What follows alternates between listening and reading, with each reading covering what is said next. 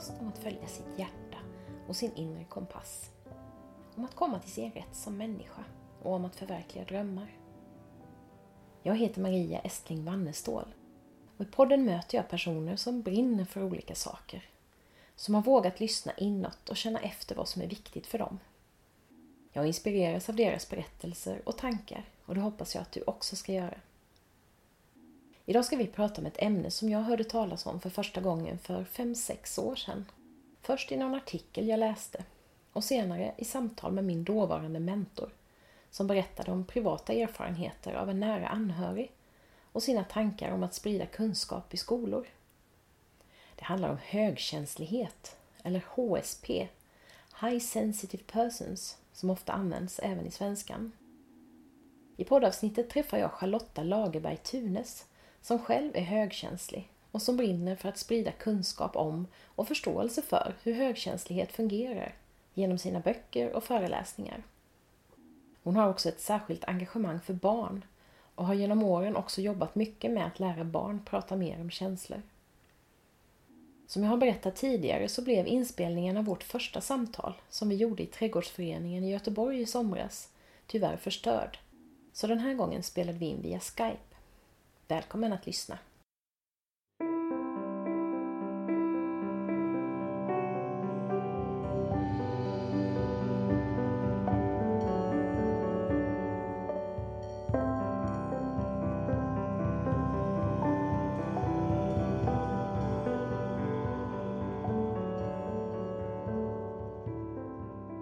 Jag tänkte så här Charlotta, att vi skulle börja lite grann med eh, vem du är. Och det kan man ju definiera på så himla många olika sätt. Eh, och jag håller på att jobba med en kurs som snart eh, kommer ut här nu som jag ska släppa om en vecka lite drygt. Och där pratar vi lite om det där med vilka roller vi har utåt och vem vi är på insidan och om det stämmer överens med vartannat och så. Eh, så jag tänkte börja med att fråga dig, där du är just nu, vad har du liksom för yttre roller och vem är du innanför eller bakom dem? Kan du säga bara några ord om det? Tror du? Det var så svåra frågor. Men, men det är ju så här att människor uppfattar mig som extrovert. Fast jag har väldigt mycket introverta sidor också. Uh -huh. Och jag är ju lite som om jag skulle skoja till det så är jag lite som ett kaninlejon. Jag är ju högkänslig så jag är ju starkskör brukar man ju säga i vardagstal sådär. Mm. Och med det är det att jag, man kan ju spegla mig på två olika sätt. Man kan ju spegla mig som väldigt stark och eh, handlingskraftig och modig och att jag går min egen väg och det här när man lever ett frilansliv då som många kanske avundas ibland. Men sen finns det ju en annan sida som är kanske mer introvert och man behöver ha lite svarta när man ska skriva böcker och sådär. Så att jag sitter mycket i min skrivarvrå och trivs ganska bra med det också. Så jag har båda sidorna. Men jag är en extrovert och social och glad person. Men jag har också eh, ett inre som ibland kan vara djupt och reflekterande och tvivlande och sådär. Mm. Ja. Ja, men det där tycker jag är jätteintressant, för det där känner jag igen hos mig själv också. Jag tror att jag uppfattas ofta som extrovert, för jag pratar mm. mycket, jag har ganska lätt för att ta kontakt med folk. Men mm. jag märker också att jag blir mer och mer, alltså jag får, får mer och mer behov av att också vara den där, liksom stänga in mig, vara för mig själv, tänka mina egna tankar, vara i tystnad och sådana där saker. Det, jag tycker det är jättespännande det här, alltså eh, balansen mellan introvert och extrovert. Och jag vet ju det att det är ju ingen som är 100 % av det ena eller det andra, utan de flesta av oss är ju någonstans kanske mitt emellan eller har båda de där. Men det, det, ja, det har gått upp för mig liksom på senare år att ja, jag är inte bara extrovert, jag är ganska introvert också. Men det, lå, men det låter lite tråkigt för jag lyssnade på han eh, Gray, Greider, heter han så? Göran Greider, ja, ja precis. Och då sa han så här, nej men jag är en sån glad person och ja. social. Nej, jag är deprimerad när jag sitter och skriver poesi. Och, och han sa det så där, jag tänkte, men vänta lite nu. Ja. Du sa precis att du var social och glad. ja, och sen så, jag fick inte ihop det när jag hörde någon annan, men så tänkte jag, så är det. Man har en hel solfjärd åtgärder med ja, alla känslor. Mm. Ja, ja, verkligen. Om man ser till dina yttre roller då. Eh, du frilansar, så du skriver ju mycket. Eh, ja. ja. Är det det du gör mest? Eller vad, vad... Jag, eh, jag skriver på heltid nu då och jag gör ju, jag jobbar med min bakboksfigur Poppe som är sagoböcker om känslor som lär barn sätta ord på känslor. Mm.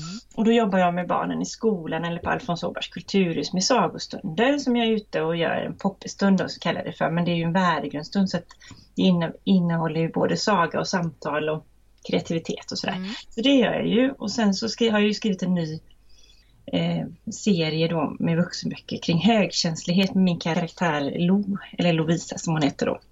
Så det är det jag håller på mycket med, med högkänslighet och den mm. skönlitterära boken då. Mm. Så det, ja. ja, just det. Så man kan säga att du får utlopp för både den där introverta och den extroverta egentligen, för du sitter och skriver och är för dig själv, men du är också ute i sammanhang och pratar om, om dina böcker och, och sådär. Ja, jag, tycker, jag tycker att jag fått tillbaka lite av det beteendevetenskapliga, för jag, jag är ju beteendevetare i mm. grunden och jobbade ju med det under tio år med socialt arbete. Jag har jobbat inom BRIS, jag har jobbat inom skola och med funktionshinder och förskola, mm. allt möjligt. Men men just mitt sociala arbete då som jag har jobbat med som handledare eller coach eller som jobbar på Arbetsförmedlingen eh, i svåra samtal så tycker jag att när jag är ute och signerar min bok så, så tycker jag att jag touchar igen det här mötet med människor ja. och jag någonstans får ihop min CV och det tycker jag är så spännande för det berättade en chef jag hade, jag jobbade, hade praktik på Göteborgsoperan när jag var yngre och då sa personalchefen där att hon var ju socionom och operasångerska och blev personalchef. Så sa mm. hon, Lotta du ska se när du blir lite äldre som jag så kommer du se att din CV plötsligt går ihop. Liksom, ja. att, det, att, du får ihop den. och det kunde jag ju absolut inte förstå med min spretiga CV. Jag tänkte det kommer aldrig gå. Men det gör det på något sätt. Ja. Att man hamnar, bam, så hamnar ja. man nog rätt. Så. så nu ska jag föreläsa i höst eh, kring högkänslighet. Och eh, fortsätta signera min bok. Då. Så att det, det, det, ja, den boken är väldigt spännande för den kommer faktiskt rätt i tiden. Ja. Men du, jag tycker det här det är jätteintressant det du beskriver det här med att ens olika, liksom, eh, vad ska man säga, de olika spåren i ens liv plötsligt går ihop med varandra. Det, det, har jag upplevt i mitt eget liv också, att man här man upptäcker liksom att erfarenheterna, jaha, vad skulle jag ha det till? Jo, men det skulle jag ha till det här jag gör nu. Och det tycker jag är jättespännande. Och jag intervjuade i ett poddavsnitt som jag ska lägga ut nu snart eh, en tjej som heter Camilla. Hon är utbildad socionom och mm. prästinna. Och det här, hon pratade just om det här. Ja, visst är det spännande? Och så sa hon just det här att ja, men jag har hela tiden sett det här som två helt separata spår. Ja. Och nu så börjar jag förstå att de går ihop och jag kan använda mm. det, jag, de verktygen som jag får mm. från två väldigt olika utbildningar, två väldigt olika eh, liksom, världar. Men jag kan mm. koppla ihop dem till mm. en och samma. Och det tycker jag är, ja, det är jätte, jättespännande.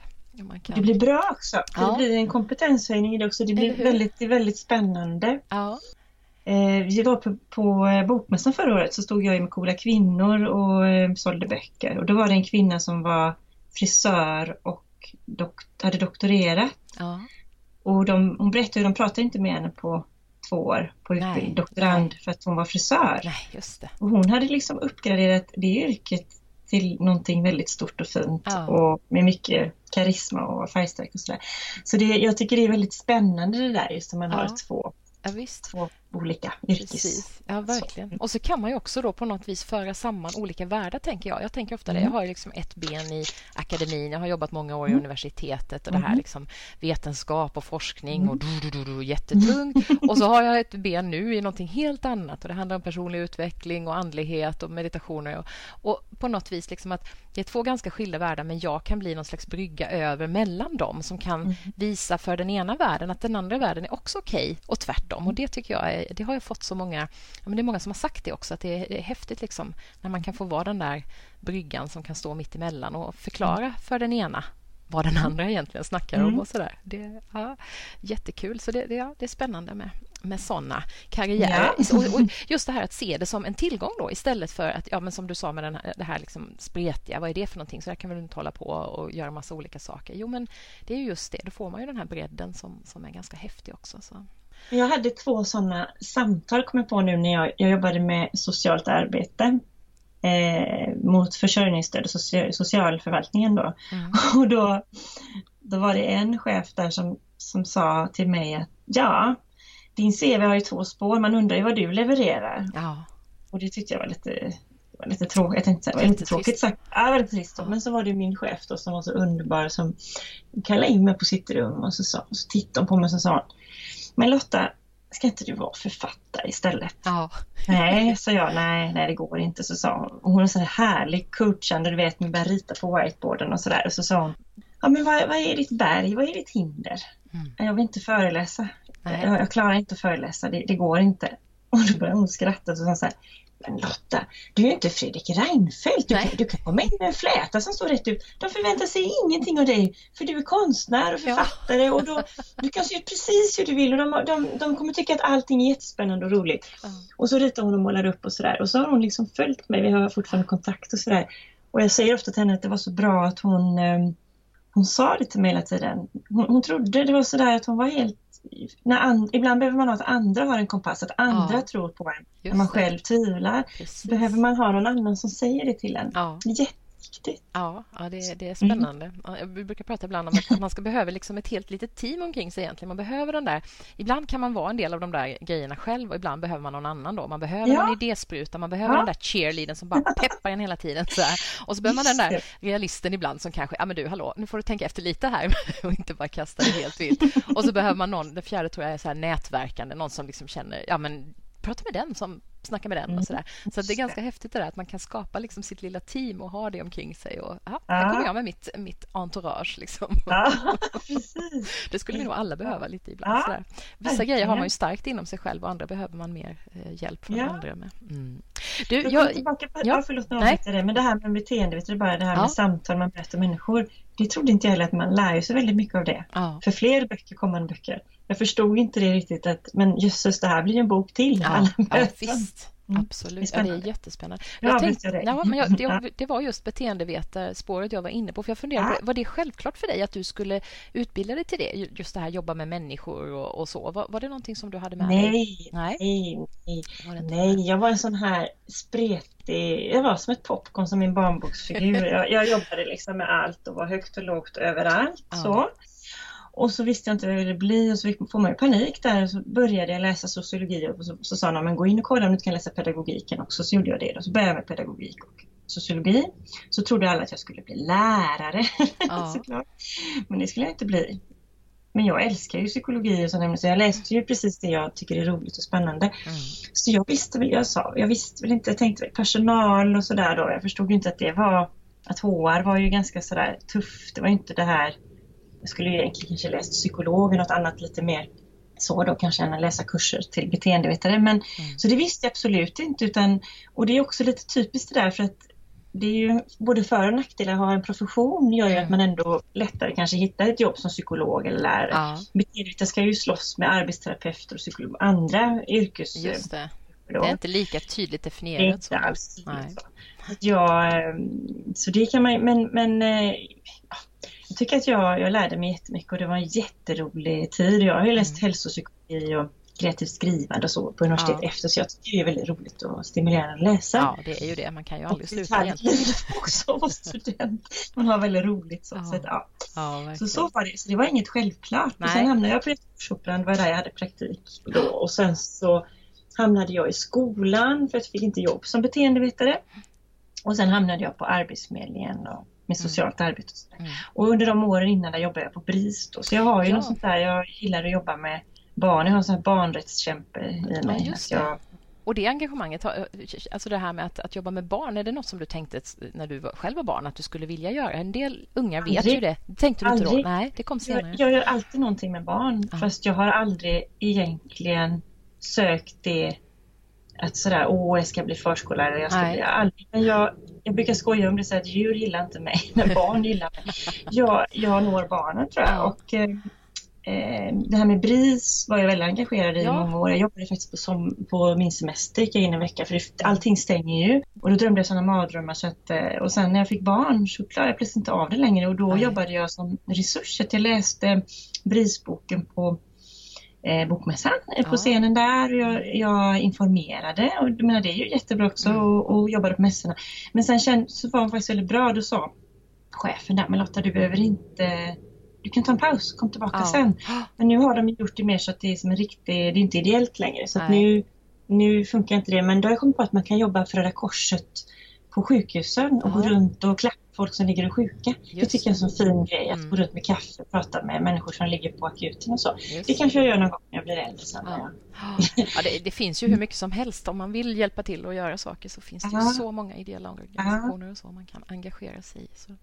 BRIS är jättebra och BRIS är jätteviktigt. Ja. Det är lite reklam. De är, det är så många barn som är så utsatta ja. och ensamma. Och det är inte så att de har det dåligt. De får mat, de får fina kläder, de får åka på resor. Men de är ensamma med ja. sina existentiella frågor.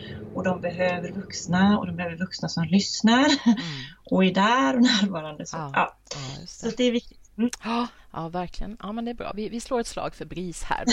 kan alla gå in och kika på den sidan. Du, högkänslighet. Ibland pratar man om HSP. Det står väl för High Sensitivity Person, eller hur? Yes. Yep. Och det är ju, hur ska man definiera det? Är det ett personlighetsdrag? För det är ju inte en, det är inte en diagnos, det är medicinsk sådär, va? utan det är en personlighetsdrag. Ja. Jag blir nästan lite tokig när folk sätter en diagnos. Ja. Vi har ju en förmåga att diagnosera väldigt Precis. mycket i eh, Sverige så fort det är någonting som är på modet. Ja så får det en bokstav eller en diagnos. Men det är det inte utan det är alltså ett personlighetsdrag och ja. man kan födas med det. Mm. Som att man föds med en känslotalang istället för musiktalang till exempel. Ja. Det kan också vara barn som växer upp i ett hem med drama queens som har gjort att de har burit vuxnas känslor för mycket som mm. barn. Och det gör att de har fått ett känsligare nervsystem som reagerar starkare på många ja. olika saker. Ja, just det. Och eh, Eh, jag är ju ett sånt barn själv då mm. som är högkänslig och eh, har ett känsligare nervsystem så, och känner mer och är intuitiv allt det här och det ja. är ju en fantastisk förmåga mm. på många sätt men jag smittas ju väldigt lätt av andras känslostämningar och förstår saker mm. och eh, bara ett, ett, exempel då till exempel när jag var, var kompisar så skulle de skilja sig men det sa de inte under middagen. Men jag bara grät hela vägen bilen hem. Utan att förstå det. varför. Jag mm. kände varenda vibb sådär. Mm. Och det, det, är ofta, det kan ofta vara sådär och när man är liten och inte har ett språk eller kan sätta ord, oh, nu kommer Poppe in här, sätta ja. ord på känslor. Så, eh, så går man ju bär, alltså det kan ju bli en slags ångest av det också att man inte, man förstår men man kan inte sätta ord på det mm. man förstår. Så det, det tog ju mig så lång tid som när jag fick den här eh, Drunkna den här känsloboken i min hand då, Maggan och Doris bok där. Så förstod jag att, och jag tyckte det var ett sånt vackert namn också för att du kan tänka dig många gånger jag har hört att jag är överkänslig och, mm. och du älskar och sådär. Just det, det blir något negativt. ja. Mm. Jag försökte dölja min känslighet och när man försöker dölja någonting så blir det ju sju resor värre. Ja. ja. Just det. Ja, jag, min förra poddintervju jag gjorde så pratade jag med Camilla som beskrev just det här hur känslig hon var som barn och hur, hur det, det blev alltså en, en depression av det. För det blev, det blev så mm. jobbigt att hantera det där. Men om du tänker tillbaks på när du var barn, eh, hur upplevde du det då? Var det liksom att det här att du hela tiden kände av andra? Kunde du se det, att det fanns positiva sidor i det också? Eller var det, var det bara negativt när du var barn? Kommer du ihåg det? Nej, alltså jag var ju väldigt kreativ och jag var glad och jag var ju social och jag, hade ju, jag är ju påhittig sådär. Jag hade ju mm. många, många bra saker men det som var i mitt fall var att jag var ju gärna alla som hade det jobbigt i skolan och, ja. och det blev ju värre när man tonåring. När, alltså jag, blev ju, jag fick någon väldig energidränage. Jag tänker efter ja. på det nu. Hur jag i timmar liksom ska coacha och och ta ansvar för hela världen för att mm. det finns någonting att högkänslig samvetsgrann och det är jag verkligen så ja. att lovar jag så gör jag det all in liksom och sådär. Det.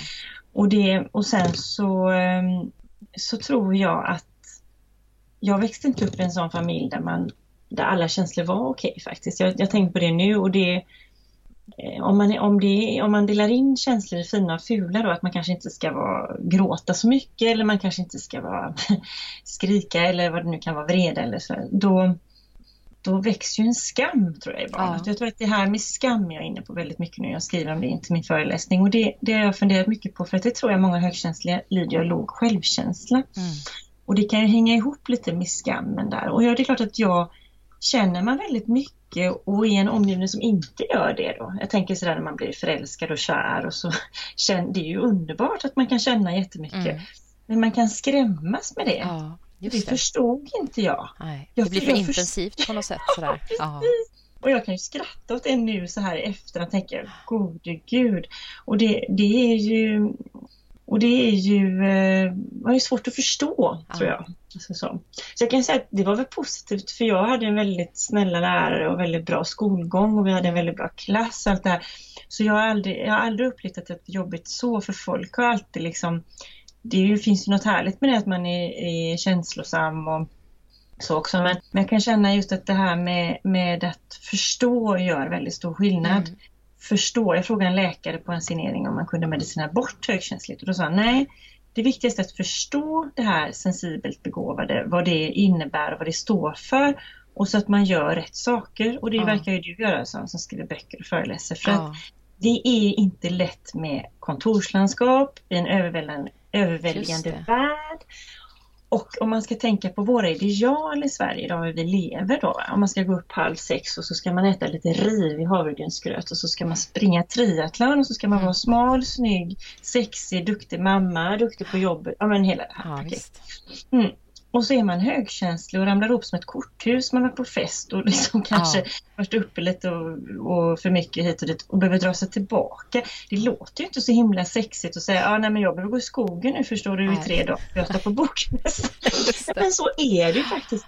Så ja. det är klart att det blir lite odd i en, ja på det sättet då. Men jag struntar faktiskt i det. Jag har lärt mig liksom... Ja, för du har lärt dig liksom att ta hand om det här och veta vad du behöver och så. Eh, du är mycket bättre på det idag tänker jag då än, än du var tidigare kanske. Ja, det tog mig 43 år ja. sig. Ja, så vad gör, alltså rent konkret idag eh, när du står här nu då, eh, vad, vad, alltså vad ska man säga, hur tar det sig uttryck och hur hanterar du det? Du gav ett exempel där på när du var på fest och, och blev mm. ledsen efteråt, men vad kan det finnas för andra sådana tillfällen när du känner men av det? Bokmässan är ju jättebra exempel. Det är ett sånt exempel. är ju gigantisk. Den är ju så Just rolig så man vill ju vara där men, mm. men det är ju, ja vi pratade lite om det sist du och jag att det, det, det är ju det är ju roligt men det är hysteriskt också på ett ja, sätt. Och då hade jag då tänkte jag, hur, hur, ska jag klara fyra dagar i en monter liksom och prata med alla människor? Och då, det roliga var ju väldigt många högkänsliga som kom fram och de ja. gick med öronkåpor med musik och de, de berättade massa tips hur de gjorde då. Men då gjorde jag så här att jag gick ut, jag hade en avlösare, så då gick jag ut och satte mig med de sköna stolarna, käkade någonting och så tänkte jag, jag tar inte med mig någon bok, ingenting, jag bara sitter där i två mm. timmar eller en och en halv och bara glor ut i intet och blundar. Ja, och, mm. Stoppa alla intryck liksom emellanåt ja. och vila från dem. Det funkar ju sådär då kan jag säga. Eh, jag är där, extrovert för att jag träffar ju alltid på folk då. Ja. Så då hamnar jag i djupa samtal med roliga människor och så pratar vi böcker och så oj nu har jag suttit på två timmar. Ja. Så det funkar väl sådär. Men då var jag ju så trött. Det var samma jag var på sån här läromedelsmässor den våren. Alltså jag var så trött för då var det en vecka jag visste att jag hade tre mässor, alltså tre dagar. Jag tänkte det här är en, en mässa för mycket. Mm. Och då var det så där, jag satt bara och grät på fredag. Jag tänkte jag är bara trött. Liksom. Ja. Men det, på något sätt så jag skiter i mina tårar nu. Jag, jag har mm. slutat skämmas för det. Känslor syns tänker jag. Vad fasen, jag gråter alltid mest på begravningar och jag ja. gråter på skolavslutningar så barnen skäms. Men jag, jag skiter i det. Folk kommenterar ju det. Ja, jag känner igen det också. Och det, jag tänker, men skiter i det. Ja. De sjunger Lale och Goliat och de här och så bara känner jag att ja. gud så vackra de är och vad sött och sådär. Och det, jag tänker jag skiter i det nu, alltså, för det, jag kan inte göra om mig själv, jag är högkänslig. Ja, och så tänker jag också att det här att, att någon visar, någon vågar visa känslor och vågar vara sårbar, vågar gråta, vågar bli ledsen och arg och sådär. Det är ju också på något sätt bra för andra, att, eller hur? För då, då blir det lite mindre skämmigt för någon annan. Så att jag tänker ju att det är jättebra. är ju rädda, det finns en sån ja. otrolig rädsla det finns en sån otrolig rädsla kring det. Och det är på något sätt så märker jag ju det att, en del, att det är svårt att hantera. Alltså lite det här, det är också en fördel att jag har ju väldigt lätt för att steppa in i sådana här situationer där andra bara uh, mm. man ska ringa svåra samtal. Jag skulle ringa en före detta kollega gick bort till mig från Arbetsförmedlingen och så skickade jag ett brev. För jag visste inte att hon var död. För jag, jag, känner, jag känner på mig saker. Och så slog jag upp och så såg jag inte hennes namn längre. Så tänkte jag, gode gud, det hänt något. Och sen så, så googlade jag så fick jag upp en dödsannons och så skickade jag ett brev till, hennes man. Och då hade jag inte förväntat mig att han skulle ringa mig och det gjorde han. Och, och så skulle jag ringa upp honom och det är ju ett sånt där svårt samtal. Det är väl mm. inte lätt att ringa en enkelman som har levt 40 år. Alltså det är en rätt grej. Men det samtalet blev ju fantastiskt. Ja.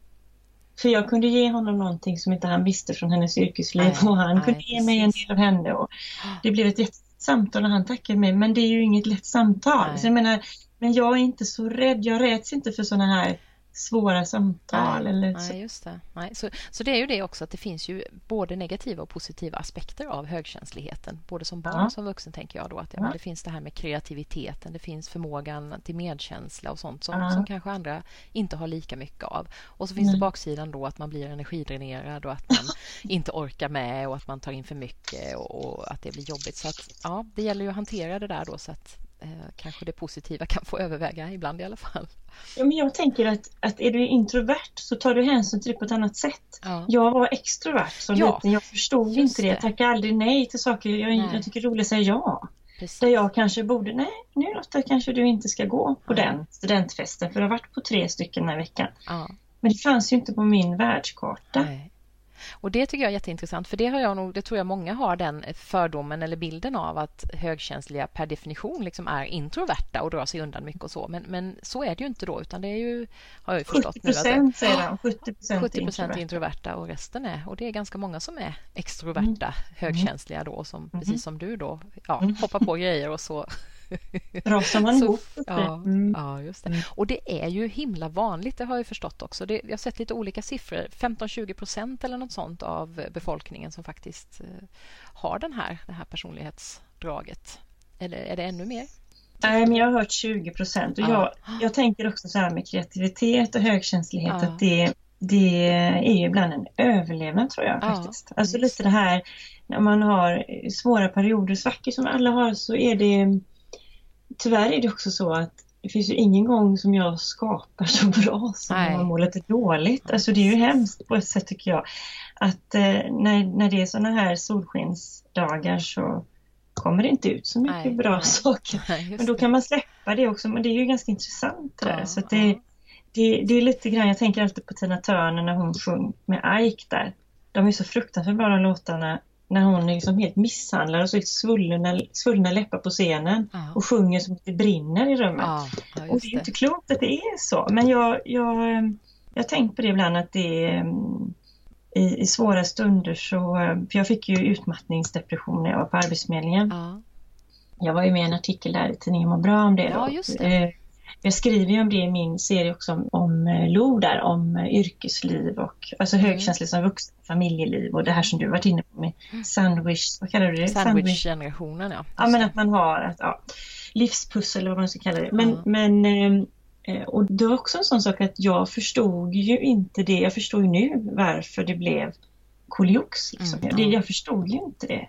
Och det, och det tror jag också där det finns en duktig flicka i mig, lite ja. grann det här som det finns i väldigt många i min generation. Så, men min kropp var ju, sa ju ifrån, den skrek ju. Alltså jag, jag hade ju köttsår på mina händer, mm. men jag gick till jobbet varje dag ja. med bomullshandskar, satt och skrev och var, jag var ju så utmattad så att jag ja.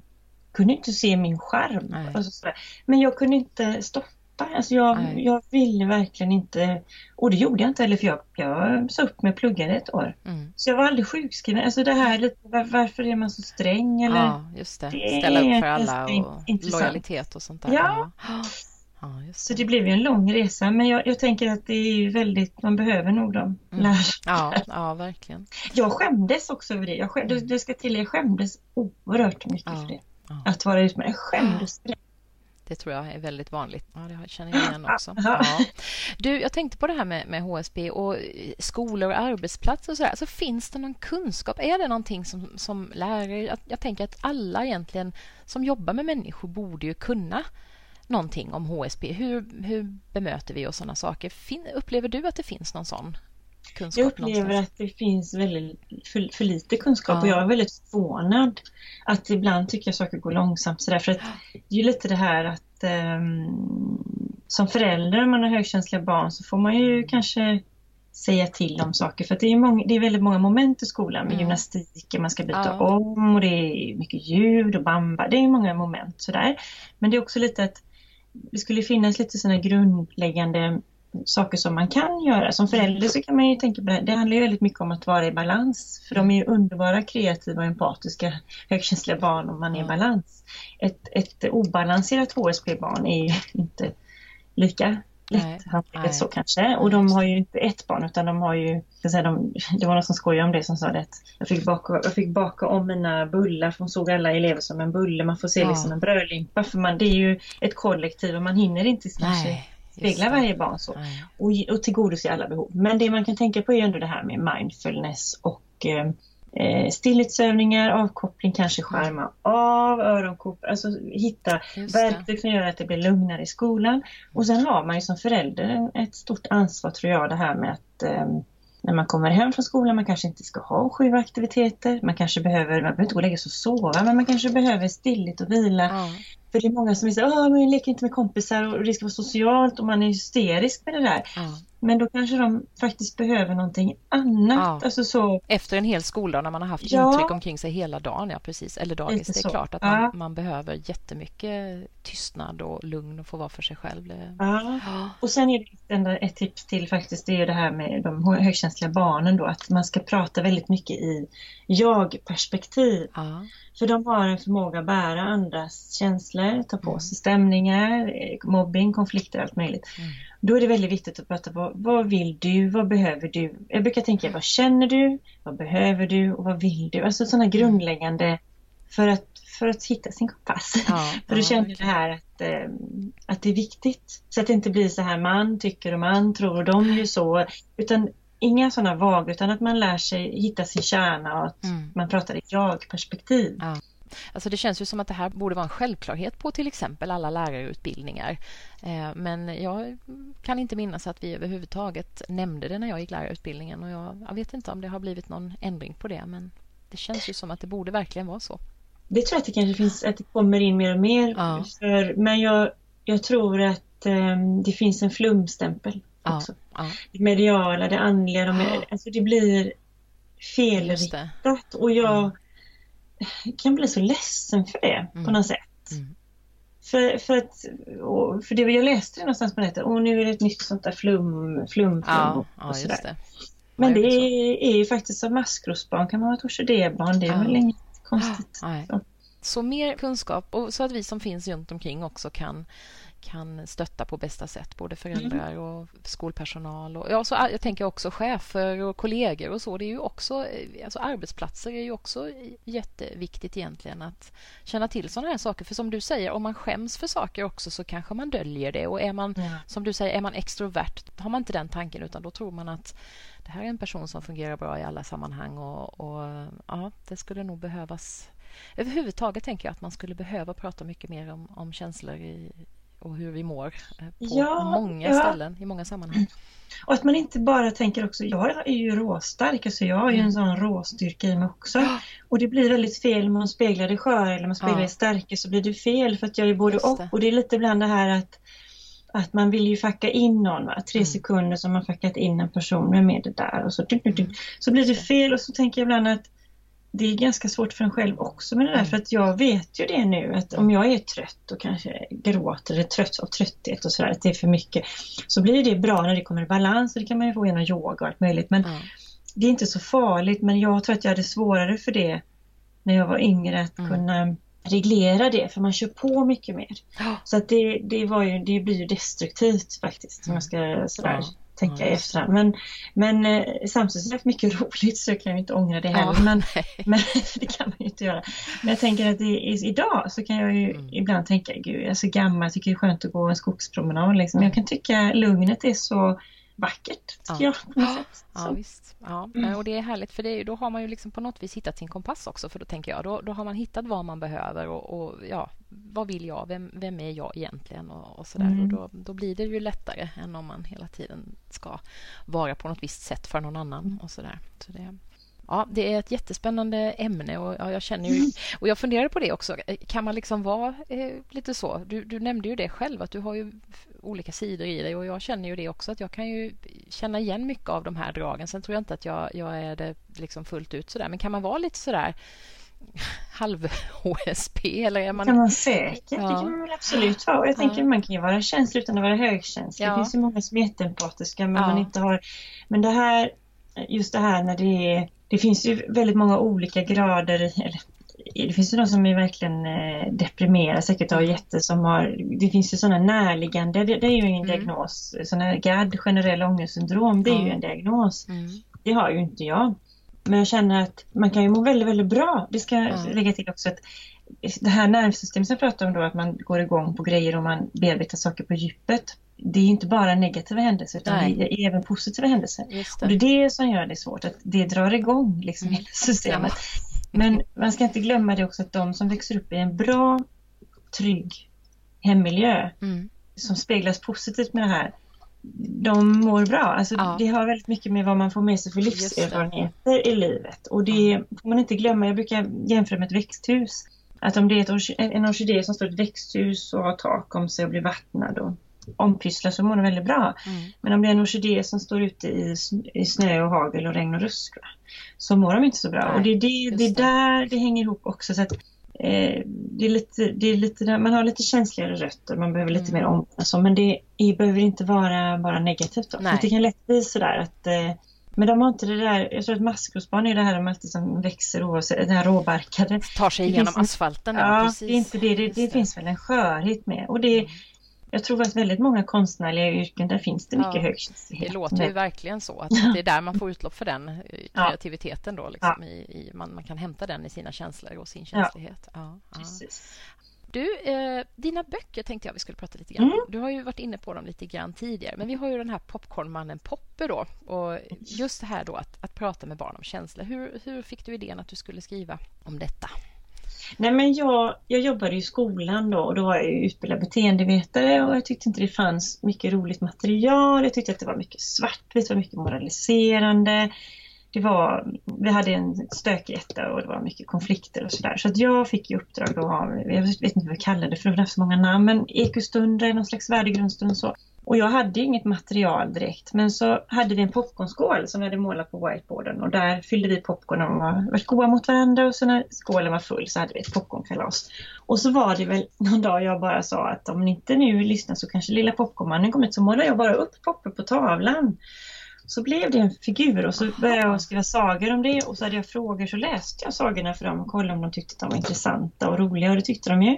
Och så började ju Poppa ha en kompis och så kom ju Majsan och sen så hände det ju saker i den här klassen som gjorde att jag fick ju nya uppslag på olika teman. Då. Det var ju bland annat döden då, för det var en pojke som satt och hängde med huvudet och då frågade jag honom om eh, varför han var ledsen och då så berättade han att hans mamma hade sagt att han skulle få en överraskning när han kom hem från skolan och då hade han gått hela dagen och funderat på om det var Liseberg eller om han skulle få en present eller om de hade bokat en resa. Och så när han kom hem så sa mamman farfar är död och det landade ju inte alls bra. Och då tänkte jag så här, men herregud, prata med våra barn om känslor egentligen, om sorg och död och sådär. Och då skrev jag den sagan om döden då med gammelpopcorn med omskrivningar, för det är det vi ofta gör. Vi säger så här, ja, men jag ska bara vila lite eller mm. mamma ska gå bort och så farfar har gått bort. Och, alltså vi använder inte rakt språk och barn förstår ju inte det. Det blir väldigt mm. obehagligt om man använder sådana benämningar. Ja just det, då känner man sig lurad sen. Kanske. Ja, det blir mm. jättekonstigt. Och så var det något barn som trodde att kremering var att man brände farmor i kyrkan, att det uppstod liksom flammor. Alltså det, det blev väldigt obehagliga ja, av det här då. Så att jag, jag började så och sen så kom jag i kontakt med ett nystartat litet förlag och så tänkte jag äh, jag ska testa att trycka en bok och sådär. Så började jag min resa på den vägen och sen har det varit så att jag det har varit jobbigt för att det är en liten popcornman och det det var innan hen-debatten kom och det här. Mm. Så det har varit så att alla vill göra dem könlösa och, och det, det, är väldigt svårt att skriva barnlitteratur idag. Nästan så att jag är rädd för att skriva böcker för att man blir så väldigt kritiserad. Mm. För man får inte använda rosa, det är en så farlig färg och det ska vara könlöst och Poppe, Poppe är en mjuk man med stadiga ben och nu har jag liksom bestämt mig att han får vara det. Ja. För jag tycker inte att det är något konstigt eller sådär men, men det, det är lite sådär också att det är också jobbigt med det här känslan när man skapar grejer så är det ju jag själv som gör det och då ja. ska man kunna stå upp för det. Och det är också en sak som inte hänger ihop då. Det är inte så lätt, det är inte så enkelt. Men de är roliga böckerna och jag har mm. sålt mycket och det, ja. de är trevliga. Ja. Och får, får barn att prata om sådana här saker som ja, kan ha svårt att prata om annars helt enkelt. Så det ja, jag har gjort en, liten sån, ja, men jag har gjort en sån handledning med alla mina skolbesök där, där man får de här solskenssamtalen och vad jag har mm. upptäckt och sett och så. Så att jag, mm. jag känner att eh, mm, jag har fått ihop mitt lilla kit där, så jag är, väl, jag är nöjd med det. Ja, så, vad kul. Ja. Ska det bli fler böcker om Poppe då, eller har du? Ja, jag är ju lite nervös då. Jag ska göra om första boken någon gång, men jag är lite sådär, jag vill göra, jag har gjort mössor och då är, jag, då är jag lite kränkt över det då att folk gärna köper mössor och brickor istället för Aha. böcker. Jag vill att de ska läsa böckerna. Ja, nej, nej, men, nej, jag skojar bara. Det blir en teater nu. Vi håller på ja. med musik och Tobias är Poppe för mig. Mm. Tobias ska spela Pocomannen Poppe och han är en mjuk man med stadiga ben. Mm. Och jag är så glad att det är just han som ska mm. göra Poppe, för han är verkligen Poppe. Så det blir jättespännande och David heter den andra killen som är och skriver så vi, de gör musik av mina texter. Ja. Det är fantastiskt. Det är jätteroligt. Var, ja, det... Kommer den att spelas i skolor eller på något yes. fast ställe? Ja, eller? möjligt uppsökande så tror jag. Det ja. kommer att vara skolor och förskolor blir det väl också. Och det är ju eh, det är Göteborg med omnejd ska ja. jag säga. Att ja. Mm. ja, just det. Ja, men det är, och det är roligt också när saker kan få utvecklas och ta sig i nya former och sådär. Det börjar som en bok och så kan det bli en det musik av det. Ja, det är fantastiskt. Det är jätteroligt. Är det. Ja, verkligen. Och så har du ju din romanserie då, där den första boken har kommit ut, Orkidébarnet, och mm. den andra är på gång. Men det ska bli fyra böcker, eller Ja, eller så blir det sju som har hört mig. Ja. Så sa det, utgår sig för att vara medial på min signering, så sa ja. nu kommer inte jag fyra böcker, det blir sju, så han så gick han. Så ja, jag tänkte det visste han. Nej, vi får väl se om han hade rätt. Ja. Nej, men jag, jag är jätteglad för att jag har målat omslag. Jag tycker att det blev en bok som blev väldigt mycket jag. Mm. Och jag är väldigt glad för att, eh, att jag gjorde den här boken. Mm. För det, det, är, är jättenervöst att släppa böcker. Mm. Det är ju sådär jag förstår inte varför jag gör det egentligen ibland. Det är som att stå på den här trampolinen, du vet. Ja. Man hoppar och tänker att så hissnar det sådär. Ja. Men den, den har ju fått fina omdömen. Så. Mm. Ja. Ja, ja, vad kul. Och det, det, handlar om en tjej som växer upp i en... Jag har ju bara börjat läsa ändå, men det är en Aha. tjej som växer upp i en eh, ganska dysfunktionell familj kan man ju säga. Ja, en väldigt dysfunktionell familj. Ja. Nej, men det är en flicka som heter Lovisa och hon är jag har det här vackra citatet i början, jag gillar det. Det finns många välklädda barn som fryser om själen. Jag tycker det är väldigt fint, för det syns inte utanpå hur ett barn mår inuti. Och Lovisa hon är sådär, hon är glad och hon är mm, duktig i skolan och liksom ett lätt barn. Va? Mm. Det är ingen som ger sig på de här utåtagerande jobbiga barnen. De, de kan åtminstone vara lite stökiga så att de får uppmärksamhet. Men hon, hon är, hon bär, jag beskriver det att hon, hon bär liksom stenar i sin mage. Och hon, hon bär och hon noterar och hon känner av mimik och gester och allting som händer där under. Och hon har en låg självbild och eh, hon vill vara alla till lag så hon vill att allting ska vara bra. Och sen går hon igen det olika, det är det man får följa då i livsresan, att man får följa henne upp till hon blir vuxen. Mm. och träffa sin man och så fortsätter ju serien sen då och då, då blir det väldigt tydligt för jag tyckte att det fanns mycket böcker som var självhjälpsböcker kring högkänslighet. Jag vill göra en mm. skönlitterär bok för att man ska kunna läsa, man kan läsa den som, utan att tänka på HSB för vissa är sura och tycker jag vill inte veta det och sådär. Men, men man kan läsa den på olika sätt. Men det som är mm. bra i den här boken är att man får, man får följa det skönlitterärt, vad som händer i positiva och negativa situationer, hur man mm. kan reagera känsligt. Mm. Och det tycker jag att jag har fåt mycket feedback då från mm. läsare att ja, men nu förstår jag eller nu, mm. jaha, kan reagera, det kan bli så. För det kanske inte alltid är så illa ment Nej. av någon lärare eller förälder att, att man slänger ur sig någonting som inte landar så väl. Nej, Och jag tänker ibland också att, eh, att om man frågar barn så ska man ju vara väldigt medveten om varför man ställer en fråga. Så att inte barnet börjar fundera på varför ställer hon den där frågan? Mm. Och vill vara till lag så kanske svarar det som att man... Jo men ja, allting är det man förväntar sig. Ja. Mm, att man kanske är lite klurig där som vuxen. Mm. För jag tror ibland att eh, det är ju skönare att inte ställa de frågorna. Och den här flickan är ju som sagt då välfungerande. Det här är ingen, ingen självskada. Alltså, det är ingen flicka som, som har anorexi eller skär sig i armarna. Eller det är inget, utan det här är en välfungerande tjej. Mm. Men det är väldigt, hon blir inte speglad och hon blir inte, mm. man, jag ska inte avslöja för att det kommer fler serier, man får ju svar på i boken varför det är som det är och sådär. Ja. Men det är ju, den tar upp väldigt många saker som kring narcissism då, mm. från föräldrar och eh, sorg och missbruk och eh, alltså fasaden det här att, att man eh, med skam, att man inte berättar, man pratar inte om saker och sådär. Mm. Och sen så blir ju det också då hur man översätter sen till relationer och till kompisar, till killar, till eh, vuxenliv, skolliv, ja, men allt det här mm. runt omkring. Och det är, det är en stark bok men den är ju lättläst samtidigt då, så att jag, jag vet inte hur den kunde bli så heller, men den, är, den har fått faktiskt fina... För språket också är ju roligt, för jag är ju väldigt yvig så jag har fått beröm för det. Jag är väldigt tacksam för att jag är ju ingen, jag är inte som du Maria, jag skriver inte så korrekt bra som du gör, utan jag är mer en sån här yvig typ. Men, men det blev en bra, för det blev väldigt poetiskt, det blev inte tungt på det sättet. Liksom så. Jag använder mycket metaforer och så. Mm. Ja, men det, det, är intressant tycker jag det här med eh, skönlitteratur som ett sätt att liksom på något vis låta människor ta sig in i en ny värld också. Jag, jag fick den frågan just när jag hade skrivit min bok och blev intervjuad om, om den. Om, varför skrev du inte en självhjälpsbok istället? Men då, då tänkte jag just det också att ibland tror jag man tar till sig mer genom skönlitteraturen än man gör med en handbok i gör så här och så där. Även om det finns personliga exempel och så, så så tror jag ofta att eh, det är det där. Det går liksom mer in i hjärtat på något vis när man, när man kan läsa och sätta sig in i och leva sig in i någon annans eh, värld. Sådär. Så. Där satte du verkligen huvudet på spiken. Mm. För jag, jag, kan också känna att jag, nu raljerar jag lite men det här Oh, gråter du på film? Har du ett inre rikt liv? Är du högkänslig? Det är inte mm. så enkelt. Mm. Nej, alltså det finns det. ju nu tycker jag att Ilse Sand har jag läst, danskan då som är högkänslig, hennes mm. böcker är jättebra. Mm. Och även hon Elaine, men Elaine skriver väldigt forsknings... Det är inte alla som gillar att läsa Nej, det. Alltså, det är ju det också. men det får man ju tänka att vi är olika. Vi tar till oss på olika sätt. Ja, ja så då är den Drunkna inte mina känslor jättebra mm. bok. Den är lättläst men jag tänker lite grann att jag tycker, jag hoppas att elevhälsan, att, att kuratorer ska läsa min bok ja. också, att ska förstå för det är som sagt så skönt med de här välfungerande barnen. Det är ju mm. jättehärligt med de som vattnar frökens blommor och ja. skriver fina inbjudningskort till föräldramötet och så. Va? Och är alltid glad och, och hel och ren och, och så, är, så skriker hela kroppen. Ja, att man är så ledsen eller ja. på då. Och det, det tänker jag väldigt mycket på att, att inte vara rädd för att ställa ja. de frågorna. För det har jag också alltid med mig att ett enskilt samtal kan göra sån otrolig ja. skillnad. Det får man också den här boken. Man får följa möten med människor som har gjort jätteviktiga mm. sådana avstamp. Alltså det, det, det, är nästan sådär, jag tror att alla människor har ju det i sitt liv mm. på något sätt. Det där, det där mötet ja. gjort skillnad. Just det.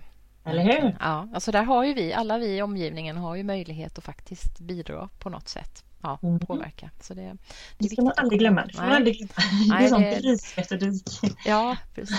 Ja, just det. Ja. Ja.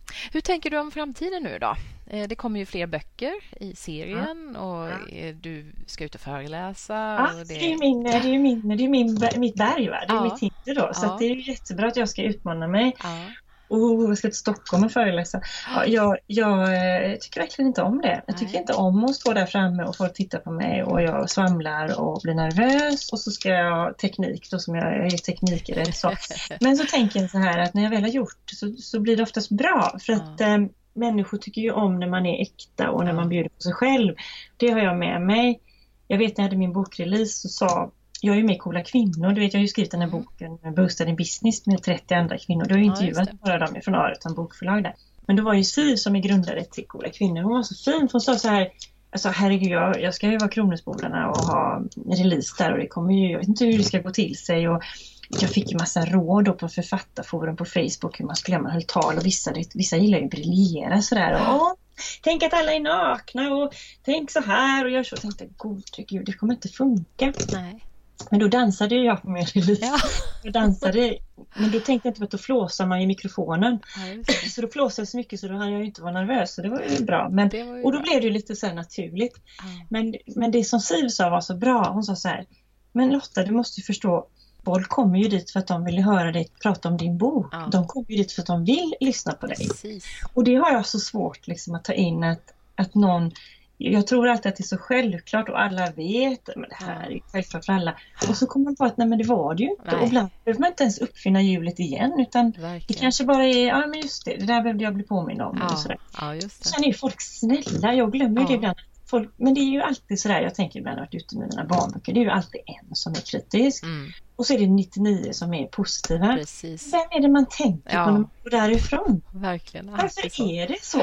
Ja, men det, det, vet jag. Det har jag fått förklarat biologiskt nu. Det, har, ja. det ligger ju liksom djupt i våra gener det här att vi hela tiden ska jämföra oss med andra. Vi ska oroa oss. För det var en gång en del eh, av vår överlevnad att vi kunde göra det. Och nu ligger det kvar där fast det inte alls behövs. Men vi har liksom ändå det här som någon skrev att vårt, vad var det nu, vårt medvetande är som, det är som teflon för eh, sådana positiva då, omdömen eller upplevelser och eh, cardboardband för de negativa. Så vi, liksom, vi suger åt oss de där och så bara rinner det positiva av. Jag känner igen mig i det också jättemycket från studentutvärderingar och sådär som har varit oh. jättepositiva. Och så är det en eller två som är negativa och så är det bara de man tänker på. Tänker, Åh, vad har jag gjort och hur kunde jag vara så usel? Jag, ska, jag ska berätta, jag var på en sån här liten presentation om mina barnböcker. Och jag hade gjort en, en alldeles ny bok, den var rosa boken dessutom. Jätterara trillepedagoger, men så sitter det en där och jag bara, jag bara, jag bara väntar. Va? Så säger hon så här. Hur kommer det sig att den psykiska ohälsan bara ökar bland barn när vi har aldrig arbetat så mycket med värdegrundsfrågor, EQ, livskunskap. Det stod i en artikel i GP samma dag. Och sånt där. Mm. Vad, vad, vad, vad kommer det sig? Mm. Och så tänkte jag, gode gud, liksom, det vet ju inte eller det, det är inte du som ska komma med det svaret. Nej, visst, jag började svamla. Och sen så vet jag till slut så sa jag bara så här. Då sa jag faktiskt en bra grej. Jag sa så här, pop är ett sätt. Det är en möjlighet. Det finns massa olika bra saker. Mm. Det här är en möjlighet och, och, man behöver inte köpa det. Jag gör det här och jag tror på det. Och ja, jag var väldigt öppen sådär. Jag gjorde en pudel. Men jag kommer ihåg när jag åkte därifrån att det, de andra satt ju låg och var positiva. Ja. Men det var det enda jag tog med mig. Då tänkte du att du skulle stå till svars för hela den utvecklingen på något sätt? Att, ja, ja, det, ja det är jätteintressant. Men jag ska faktiskt, det här är min läxa, jag ska mm. öva på detta. Mm. Att, um, att, att försöka tänka att folk faktiskt är där för att de vill ja. lyssna. Ja. Och man kan ju se väldigt man kan ju se arg ut om man är intresserad. Man, ibland, för det är också så högkänslig man liksom sitter och tolkar in ja, och jättesur ut nu och ja. herregud nu tycker de att det här var det ja. sämsta har hört. Alltså sådär va? Ja, visst. Man får bara... Ja, men det har jag lärt mig. Det, det, tycker jag är jätteintressant. För jag har ju också jag har föreläst jättemycket genom åren både på mm. universitetet och efter det. Och just det här att ibland är det ju de där som man tycker ser minst positiva ut som sen kommer fram och är de mest överväldigade och tycker att det var jättebra och sådär. Så jag har... Men jag glömmer det ändå. Så jag sitter ändå och tänker åh vad hon ser missnöjd ut sådär. Men sen så kan det ganska ofta vara så att Mm, aha, det var bara någonting i hennes uttryck. Det var, hade ingenting med vad hon egentligen, eller han, tyckte. Så att, ja. Men jag har ju sett dig när du står på en jättescen med headset och pratar på eng brittengelska och man tänkte gode gud för 3000 ja. personer. Ja men det var ju ett sånt, ja men det var ju inte det för det var ju inte många i salen. Men det... Du ser coolare nu. Gode gud, runt med headset och pratar brittengelska. Ja, nej, men jag var ju jättenervös innan men det är ju det, är ju det. det, är ju det jag har blivit så mycket bättre på det här att ja men jag tycker det är skitläskigt men jag går upp och gör det ändå för att det är så roligt och viktigt och, och det var ju ett sånt tillfälle när det verkligen var jätteläskigt. Det var inte så många i lokalen men jag visste att det skulle spelas in och läggas ut på Youtube så att hur många som helst skulle kunna se det. Mm. Så det är klart, det, det, var nästan kräkvarning där innan. Jag, jag gick ut och övade i en eh, hästhage vet jag och pratade med hästarna. så de fick mig men lite lugnare. Väl, du ser väldigt, jag river ju ner saker, det är det ja. jag gör på scenen. Jag river ju, på bokmässan rev jag ner hela Sivs eh, chokladkakfat och då fick jag vända mig så det kom upp rumpan i liksom ja. kameran. Ja. Och sen tog jag tuggummi en omgång, såg inte klokt ut. Ja, och när jag var radion så rev jag ner headsetet för jag är väldigt yvig i gesterna, ja, det. säger inte du nu. Men jag, så att jag har, det är mycket sånt där retorik, att, ja. att man ska lära sig Många är väldigt duktiga, de har ett ganska kontrollerat kroppsspråk och mm. vet hur de ska röra sig för att det ska bli riktigt och korrekt och sådär.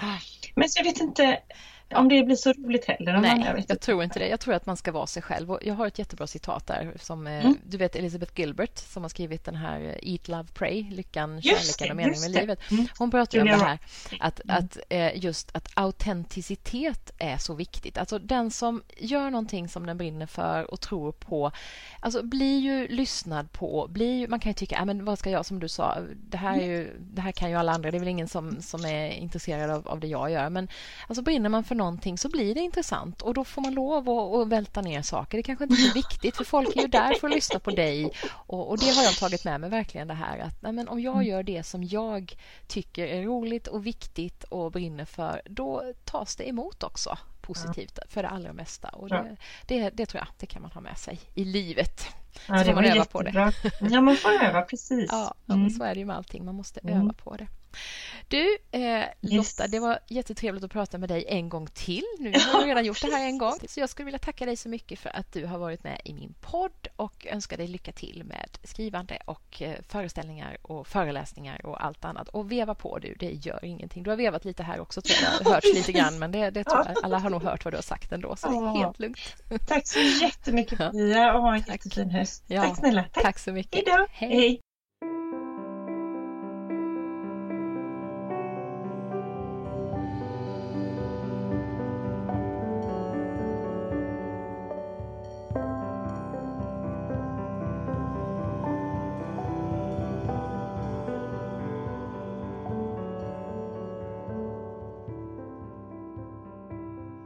Du vill veta mer om Charlotta och hennes böcker om Poppe och orkidébarnet Lo så kan du titta in på charlottalagerbergtunes.se.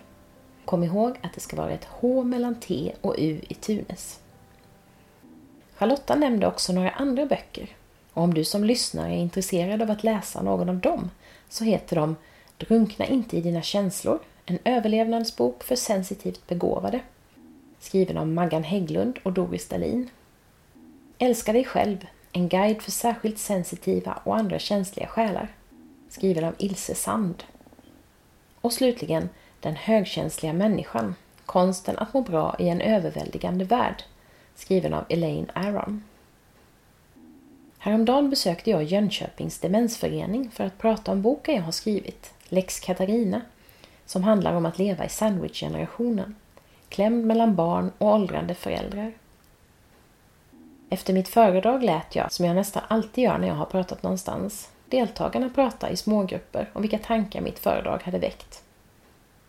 Kvällen kom att handla mycket om just känslor och vikten av att våga prata om dem, som jag och Charlotta också var inne på och som hon jobbar med bland annat genom sina böcker om popcornmannen Poppe.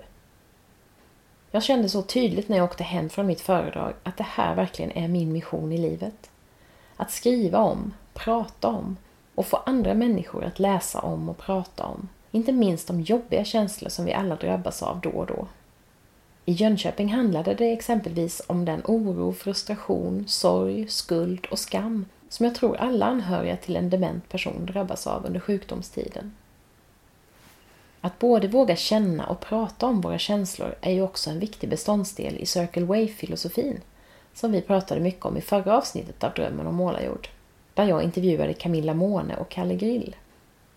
Om du har missat det avsnittet tycker jag verkligen att du ska gå in och lyssna på det. Kalle och Camilla har många intressanta tankar.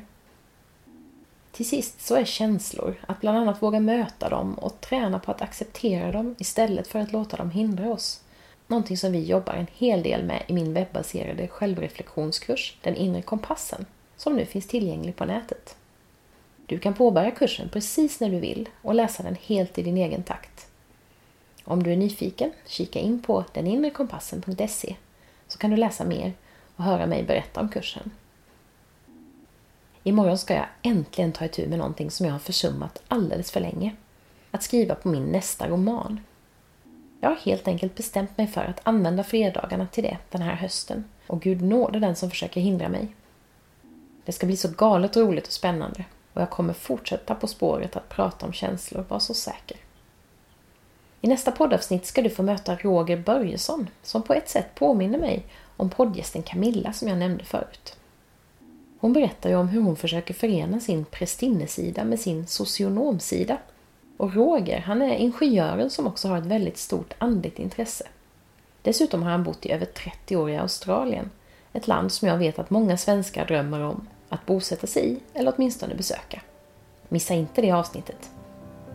Tack för att du har lyssnat idag och varmt välkommen tillbaka. Hejdå!